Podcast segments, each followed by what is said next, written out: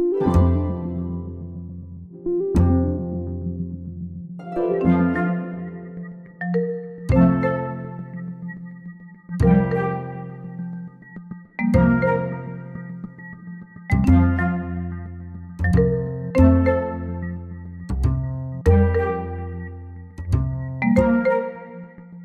Försvunna fordon, snöskotrar, hjullastare och konst tillhör vardagen för de som jobbar på Larmtjänst. Och Larmtjänst är ett dotterbolag till Svensk Försäkring och de har till uppdrag att arbeta mot stöld och försäkringsbedrägerier. Ja, jag skulle ju kalla dem för försäkringsbranschens detektivbyrå, eller vad säger du Mats Galvenius? Ja, det kanske man skulle kunna säga lite skämtsamt. Fast några riktiga detektiver är vi väl inte. Men eh, det är klart, vi utreder ju ärenden som ofta är kopplade till brott. Så någon koppling finns det ju. Ja, så hur skulle du beskriva verksamheten för någon annan då?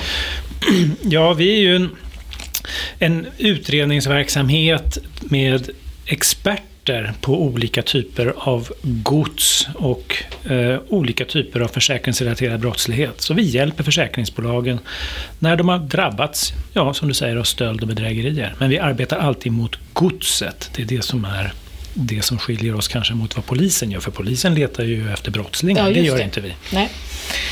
Men då måste vi ta lite här för varför heter ni som ni heter då? Larmtjänst, bara lite historik här. Ja, Larmtjänst bildades faktiskt som en gemensam larmcentral för de större skadeförsäkringsbolagen för mer än 60 år sedan.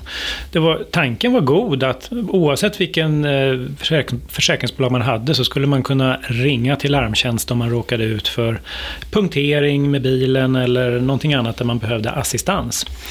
Men eh, det var på den tiden innan det fanns en ordentlig konkurrenslagstiftning. Man fick samarbeta mellan bolagen mycket närmare än man får idag. Det enda som finns kvar nu av larmtjänst, det är just utredningsverksamhet. Och hur många är det som jobbar hos er? Vi är tio personer. Dels är det åtta heltidsanställda, nästan alla, sju av dem är poliser och en kommunikatör. Och sen är det jag som deltidsanställd VD och vi har också en deltidsanställd jurist. Och hur mycket stulet är det på ett år ungefär? Ja. Som ni hanterar då?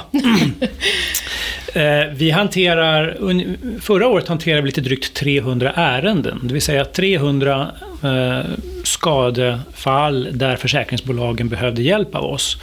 Och vi återfann gods eller förhindrade felaktiga skadeutbetalningar för mer än 100 miljoner kronor.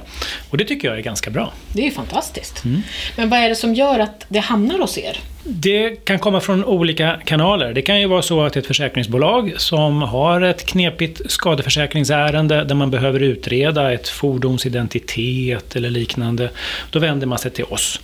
Eh, det kan också vara så att det kommer tips från allmänheten. Eh, att man misstänker bedrägeri eller man har hittat eller sett stöldgods. Då kan man höra av sig till oss. Men det kan också vara polisen som hör av sig och initierar ärenden. De kanske har hittat en tjuvgömma med mycket gods och då behöver de hjälp i samband med en husrannsakan och identifiera om godset är stulet och vem som är rättmätig ägare. Och då ringer man till larmtjänst. Det kan också vara från utlandet. Man hittar svenska bilar i eh, Polen, eller Litauen, eller Spanien eller Afrika. Då är det till larmtjänst de ringer. Jag tänkte på att du sa tips. Hur många tips får ni per år och vad leder det till? Vi får sådär 600-700 tips om året. Och kanske en tredjedel av de där tipsen är bra tips som faktiskt leder någon vart. Och förra året, så, om jag kommer ihåg rätt, så Eh, var det ungefär 25-30 miljoner kronor som vi fick hem på de tipsen.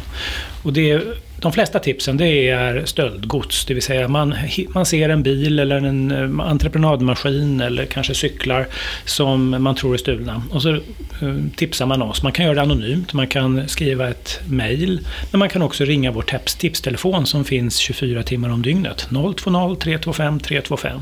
Och så lämnar man sitt tips där. Och vi tar hand om alla tips. Vad är det för typ av kriminaltekniska tjänster som ni erbjuder då? Ja, mycket är ju fordonsrelaterat och då kan då är vi jätteduktiga på att identifiera fordon och också eh, göra vissa analyser av fordonsdata och sånt. Vi kan läsa till exempel data ur nycklar och sånt. Det är ganska avancerat och kan ha stort värde för försäkringsbolagen.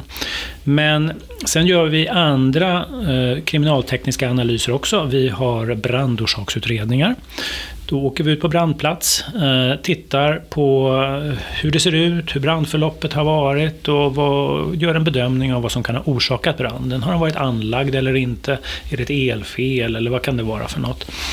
Men sen gör vi eh, IT-forensiska analyser. Vi kan tömma mobiltelefoner eller routrar eller övervaknings, kameraövervakningssystem eller liknande som kan behövas för att göra utredning av inbrott eller vad det nu är för någonting. Vi gör också dokumentanalyser. Eh, då har vi en särskild maskin som man stoppar in olika typer av dokument i. Kvitton, det kan vara läkarintyg, det kan vara Eh, certifikat av olika slag för att kolla om de är äkta eller inte och det görs med lite olika metoder. Det är väldigt framgångsrikt. Och sen gör vi eh, inbrottsundersökningar, eh, det vill säga besöker eh, inbrottsplatser för att se om eh, inbrottet har gått till på det sätt som försäkringstagaren har sagt eller inte. Det är ett exempel på våra olika tjänster. Jag har hört att det finns ett gemensamt skaderegistreringsregister i branschen. Använder ni er av det? Nej, egentligen inte. Det finns ett gemensamt register där alla försäkringsbolag lägger in sina försäkringsskador och det används av försäkringsbolagen för att välja ut sina utredningsärenden. Är det så att en försäkringstagare har väldigt många försäkringsskador eller man kan misstänka att han har ansökt om skadeersättning från flera bolag i samma ärende, då kan ju försäkringsbolaget välja att göra en utredning om man ser det i det registret. Larmtjänst har idag inte tillgång till GSR. Men på sikt kan vi komma att få det. Vi håller på att arbeta på det, att bygga upp en analystjänst som först och främst ska kunna möjliggöra att man tar ut information om bedrägerimodus och om det finns särskilda typer av försäkringar som är utsatta för bedrägerier och liknande. Den typen av övergripande statistik skulle man kunna få ut. Man skulle få lite trender och lite sånt? Ja, precis. Sen eh, finns det en tanke om, och det ska vi försöka utveckla och fundera på hur vi ska, hur vi ska få till det ordentligt, men att om det finns om bolagen misstänker att det finns organiserade bedrägerier som eh, drabbar flera bolag så skulle man kunna vända sig till Larmtjänst och ge oss möjlighet att göra utredningar som täcker flera bolag. Eh, det skulle nog vara ganska effektivt. Men vi har inte kommit hela vägen fram där ännu. Men eh, möjligheten bör finnas. Du nämnde att ni var tio stycken som var anställda på Larmtjänst, men jag tror att ni har en anställd också som säger voff, voff. Berätta mer om honom. Ja, det stämmer. Vi är en av de få arbetsplatserna som har en anställd hund. Eh, han heter Nogger och det är vår brandhund. Nogger följer med på brandplatsundersökningar och han är väldigt duktig på att identifiera brandfarliga vätskor. Därför att om det är så att man kommer till en brandplats och vill ta reda på om den är anlagd, då är det extremt effektivt att ha en hund som kan sniffa upp var finns det brandfarlig vätska. För då kan man precis från den platsen där han markerar ta ett prov som man sen skickar för analys och ser om det finns en brandfarlig vätska där. Annars om det är en stor industribrand skulle det ju ta månader att kratta sig fram och leta överallt efter var det kan tänkas finnas en brandfarlig vätska och det kanske man aldrig upptäcker. Enormt tidsbesparande. Och vad är anledningen till att försäkringsbranschen har en sån här hund och att man inte, man tänker att det är polisen som har sånt där? Polisen har brandhundar, eh, ett par stycken, inte jättemånga. Eh, men polisen utreder numera nästan bara dödsbränder där någon har omkommit. Eh, men det är ju en väldigt liten del av de bränder som försäkringsbolagen är intresserade av. Försäkringsbolagen kan vara intresserade av bränder av många olika skäl. Har försäkringstagaren anlagt det här? Är det en och samma pyroman som kanske har anlagt det? Eh, är det någonting som har något elfel eller något produktfel som har orsakat det här så att man måste stoppa en produkt som är farlig? Det finns många orsaker till att man vill eh, komma fram till en brandorsak. Och då är som sagt var hunden ett fantastiskt verktyg för att utesluta vissa typer av eh, orsaker. Har du något intressant case som du kan ge exempel på som ni har varit med och ja, löst eller vad man ska säga, haft fingrarna med i? Ja, det finns många case, men ett alldeles aktuellt är, det på, har ju pågått eh, mycket organiserade stölder av vissa Toyota och Lexus-modeller under senare år. Och eh, där för något år sedan så var vi med och spårade. Det var helt enkelt GPS-signaler från en bil som vi lyckades spåra och det gav sen resultat i att polisen kunde säkra inte mindre än nio bilar. De var redan skeppade iväg eh, från Sverige och man lyckades stoppa dem i Las Palmas. Och eh, nu, alldeles häromdagarna, har vi fått tillbaka bilarna. Och det är ju väldigt mycket pengar från försäkringsbolagen. Och allt det beror ju på att man uppmärksammade en sån här signal från en eh, GPS-utrustning. Så det är ett tips att ha på sin GPS-signal? Det är absolut ett tips. Eh, och man ska också ofta, om man har stöldbegärlig egendom, ta stora entreprenadmaskiner eller liknande, förlita er inte bara på de eh, fabriksmonterade systemen, för de kan de liksom professionella tjuvarna vet hur man kopplar bort dem. Utan se till att ha kompletterande system som är gömda i fordonet. För det är inte säkert att de eh, hittar det eller lyckas störa ut det. Och de bästa casen där vi hittar mycket gods, då är det oftast en båtmotor till exempel som har gett utslag eller en bil som i det här fallet och så hittar man väldigt mycket gods som är samlat på samma ställe. Vad står ni inför för utmaningar framåt? Ja, en sak är just att utveckla den här analystjänsten som jag nämnde där vi skulle kunna använda viss information ur vårt gemensamma skadeanmälningsregister. Eh, både för branschgemensamt sammanställa modusinformation och eh, trender vad gäller bedrägeribrottslighet. Men också eventuellt kunna klara upp bedrägerihärvor som drabbar hela branschen. Det håller vi på att utveckla och jag hoppas att vi kan landa det om något år ungefär så att vi har det på plats. Mm, så att vi följer alla lagar och förordningar på rätt sätt. Eh, men eh, en annan fråga som jag tycker är väldigt angelägen det är ju att utveckla samverkan mellan försäkringsbranschen och polis, tull, kustbevakning och andra myndigheter.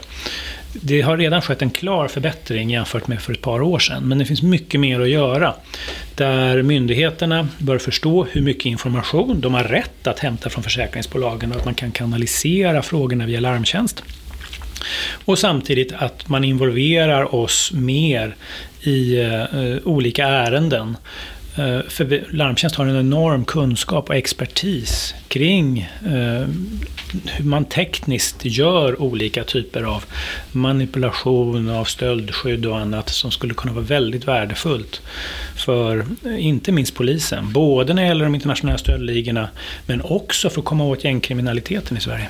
Och ni har någonting alldeles närmast nu, jag ser på bordet här. Det kommer en, en bedrägerirapport. Ja, vi släpper, om, vi släpper varje år en rapport över hur försäkringsbedrägerierna utvecklas i Sverige utifrån den statistik vi samlar in från försäkringsbolagen. Och den släpper vi här i slutet av februari. Eh, och den kommer att finnas både på Larmtjänst och Svensk Försäkrings hemsidor. Och ladda ner för den som är intresserad. Och den visar att eh, försäkringsbolagen förra året var väldigt duktiga på att hitta försäkringsbedrägerier. Man avslöjade bedrägerier för i storleksordningen, nu ska vi titta efter om jag kommer ihåg rätt, men eh, någonstans nu ska vi se, den exakta siffran 682 miljoner kronor. Och det var en ökning med ungefär 20 procent på ett år. Eh, och eh, man gjorde 10 000 bedrägeriutredningar. Och eh, det går ju uppåt varje år, men trots det så är det här bara en droppe i havet. Vi misstänker ju att mörkertalet är väldigt stort. Vi skulle tro, vi, brukar säga att de faktiska bedrägerierna ligger på mellan 3,5 och 5 miljarder någonstans i den summan. Så att det är bara en liten del vi hittar. Du har lyssnat på Försäkringssnack med Mats Galvenius och mig Ulrika Loeb. I avsnittsinformationen så hittar du länkar till Larmtjänst hemsida och även till deras podd. Vi hörs igen!